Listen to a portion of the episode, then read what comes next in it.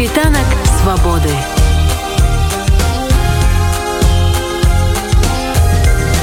Світ вольнасці.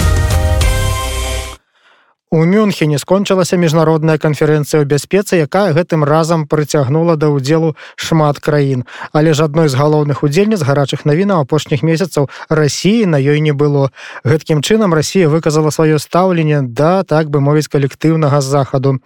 Прэзідэнт украины владимир зяленскі на канферэнцыі прамовіў адну з найбольш эмацыйных і шчырых прамоваў якая хутка разышлася на цытаты.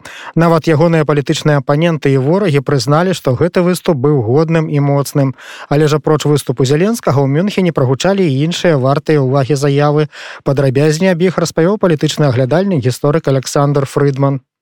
Самой справе выступлення ў гэтым разам было шмат і досыць цікавых. Ну калі такія галоўныя з майго пункта гледжання я б адзначыў выступленне камалы харыс віце-прэзідэнта злучаных штатаў. Безумоўна выступленне владимира зяленскага. Яго чакалі і ўвогуле тое што ён прыняў удзел у гэтай канферэнцыі.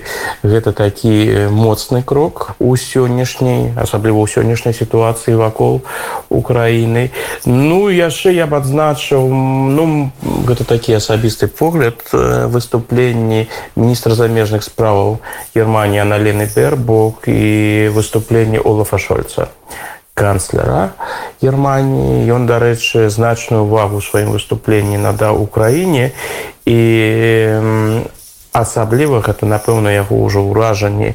Ад сустрэчы з владимиром путиным ён звярнуўся да вось гэтай тэмы абвінавачання украины у геноцыдзе і зрабіў такую досыць недыпламатычную але моцную заяву что ты абвінавачанні якія ідуць з расійскага боку што яны з'яўляюцца ну лепш напэўна перакласці гэта з нямецкай тое што ён сказаў нелепымі і гэта такая была вельмі жорсткая і адназначная заява шольца. Калі ўзяць вынікі канферэнцыі заявы канферэнцыі ну галоўнае пытанне было пытанне украінскае. Заходнія лідары падкрэслілі сваю салідарнасць з украінай і неабходнасць вырашыць той сённяшні крызіс менавіта мірным шляхам. Ну і пагроза вайны што яны на самой справе лічаць і ёсць моцны аргумент у гэты бок што справа можа скончыцца вельмі дрэнна справа можа скончыцца новай вайной у Еўропе як Джонсон сказаў напэўна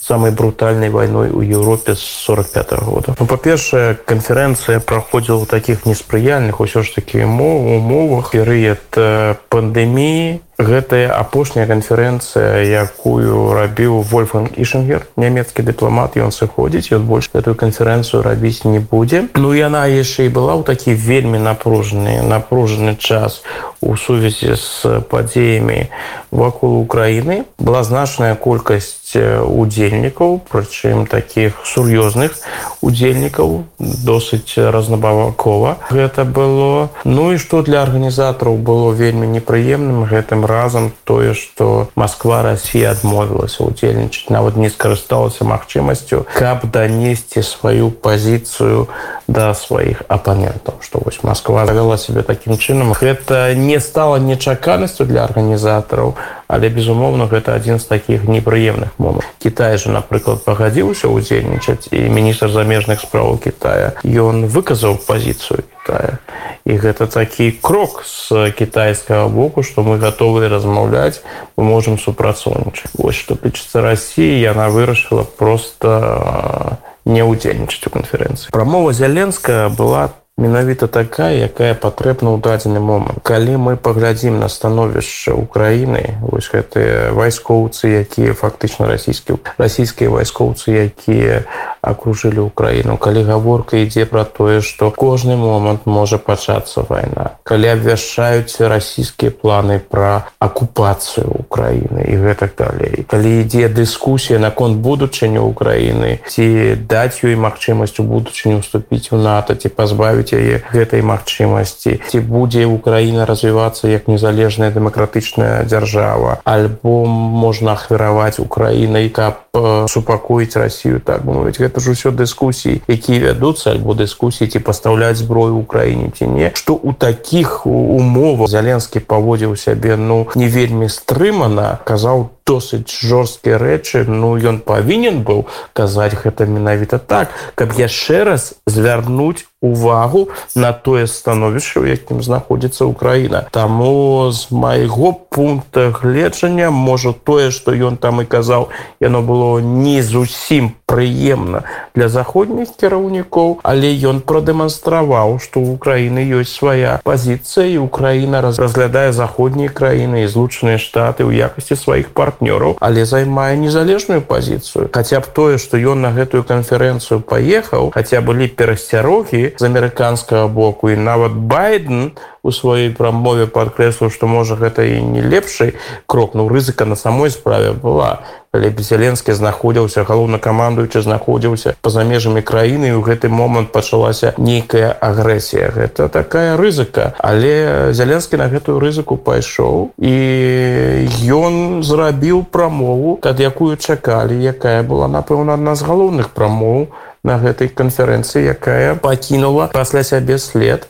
І яе абмяркоўваюць так что можна сказаць что зеленскі зрабіў усё слушна заявы про нейкі новы еўрапейскі парадак ну яны такія пакуль у іх няма нейкага зместа яны не змястоўны мне падаецца что і французскі бок расійскі бок ну і украінскі бок то бок таксама яны пакуль не асоба не асабліва ведаюць пра што на самой справе можа ісці гаворка лёгка якія там могуць быць кампрамісы і іншыя калі на гэта паглядзець еўрапейскага пункта гледжання то мне падаецца што стратэгія і у амерыканцаў і у еўрапейцаў яна ў тым каб зацягнуць Росію перамовы. Бо заходні бок ведае што пазіцыі Росіі на самой справе яны досыць досыць слабыя. Шляхам перамоваў ну што там Росія асабліва дамовіцца то не зможа бо на ключавыя пытанні якія Росія задавал ім ужо адмовілі і гэта прынцыповая пазіцыя яна не зменіцца. Сёння як мне падаецца захад просто жадае зацягнуць Росію ў нейкія перамовы і дамагчыся гэтым чынам вось дээскалацыі на украінскім напрамку. Но тут справа ўжо дашло да зайшла вельмі далёка бо на дадзены момант для Росіі пайсці на нейкія крокі по дээскалацыі будзе азначаць фактычна прызнаць уласную уласную паразу бо Росія чакала як мне падаецца зусім іншых вынікаў.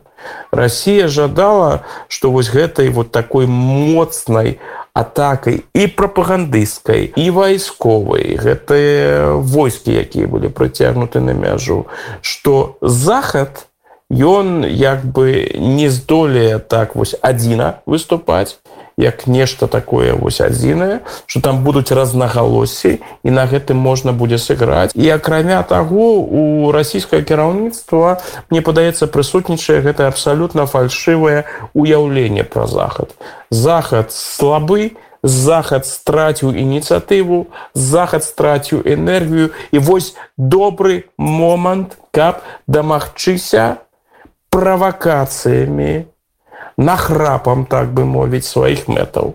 І вось на гэта была мне падаецца з расійскага боку зроблена стаўка. Мы сцягваем войскі мы пагражаем мы показываем что мы жорстка готовы сябе паводзіць і яны там на захадзе яны ж не жадаюць войны яны ж слабыя яны будуць с нами гаварыць. І мы атрымаем вось гэтым шантажом усё тое что мы жадаем атрымаць на самой справе як мне падаецца весці нейкія баявыя дзеянні ці весці вайну Росія не жадае але сёння сітуацыя склалася такім чынам что адказ ад захада быў упэўнены моцны не той адказ якога чакала Росія І ў дадзены момант адвесці войскі ад мяжыцем ці скончыць вучэнні ў Беларусі. іншае гэта будзе для рассіі ну такім досыць слабым крокам. Расія пакажа тым самым, што вось яна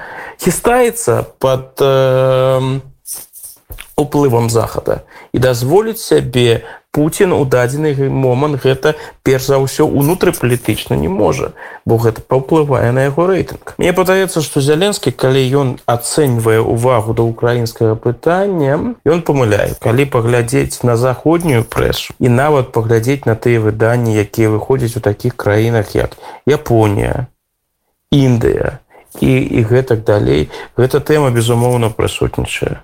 На дадзены момант гэта адна з ключавых а мабыць і галоўная тэма ў прынцыпе. Гаворка ідзе ў Еўропе прынамсі у заходнім свеце. Гаворка ідзе фактычна не спыняецца пра пра украіну. Калі мы паглядзім на старонкі заходніх выданняў ці навіны заходнія гэта амаль заўсёды тэма нумар адзін асабліва ў Еўропе бо гэта цалкам жахлівы сцэнар што вайна пачнецца ў Еўропе. Так што зяленскі гэта падкрэслівае што трэба надзяляць гэтай тэме больш увагі но ён мусіць гэта рабіць як прэзідэнт Украіны яшчэ раз і яшчэ раз звяртаць увагу. Так што это Так што гэта слушная гісторыя. У паліталагічна-тэхналагічным сэнсе гэта слушна то, што ён робіць. Што тычыцца санкцый, ну тэма наконт санкцыі ідзе досыць супярэчлівая інфармацыя, бо на захадзе іх гэта слушна лічаць, што паводзіны Масквы будуць шмат у чым залежыць ад таго, якія санкцыі яе могуць чакаць. Таму пра санкцыі ідзе такая досыць расплыўчатая інфармацыя, але яны будуць сапраўды вельмі моцнымі і можа нават куды моцнымі, чым тое, што сёння што сёння абмяркоўваецца.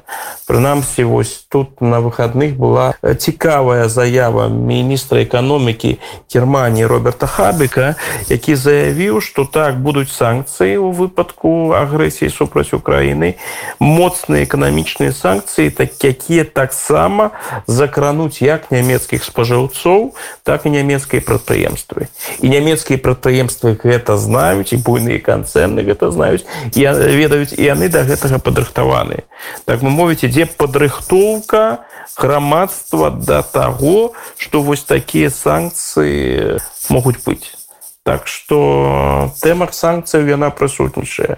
Ну і калі мы возьмем санкцыі ўвогуле, то тут складваецца вельмі цікавае становішча. Ну, ось э, ужо другі месяц запар ідзе гаворка пра санкцыі, што павінны быць санкцыі, яны выпрацоўваюцца, напрацоўваюцца і гэтак далей. Задаю сябе пытанне, а што будзе вось калі гэты крызіс вакол Украіны, вось сённяшняя гарачая фаза скончыцца, і ўсё вернецца скажем так да становішча мінулого году А як далей будуць складвацца адносіны паміж захадам і Росіі ці будзе тады сказано что ўсё нормально супрацоўніцтва ідзе далей? Думаю что не. Бо за гэты момант за вось за гэты перыяд зроблена столькі крокаў из расійскага боку і з заходняга боку да пагаршэння адносінаў што мне падаецца што адносіны ўжо такімі як яны былі да гэтага крызіса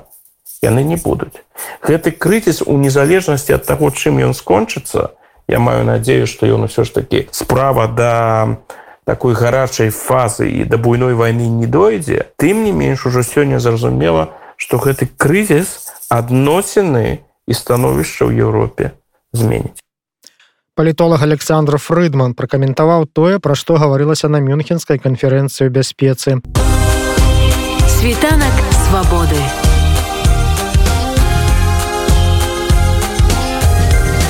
спіць вольнасці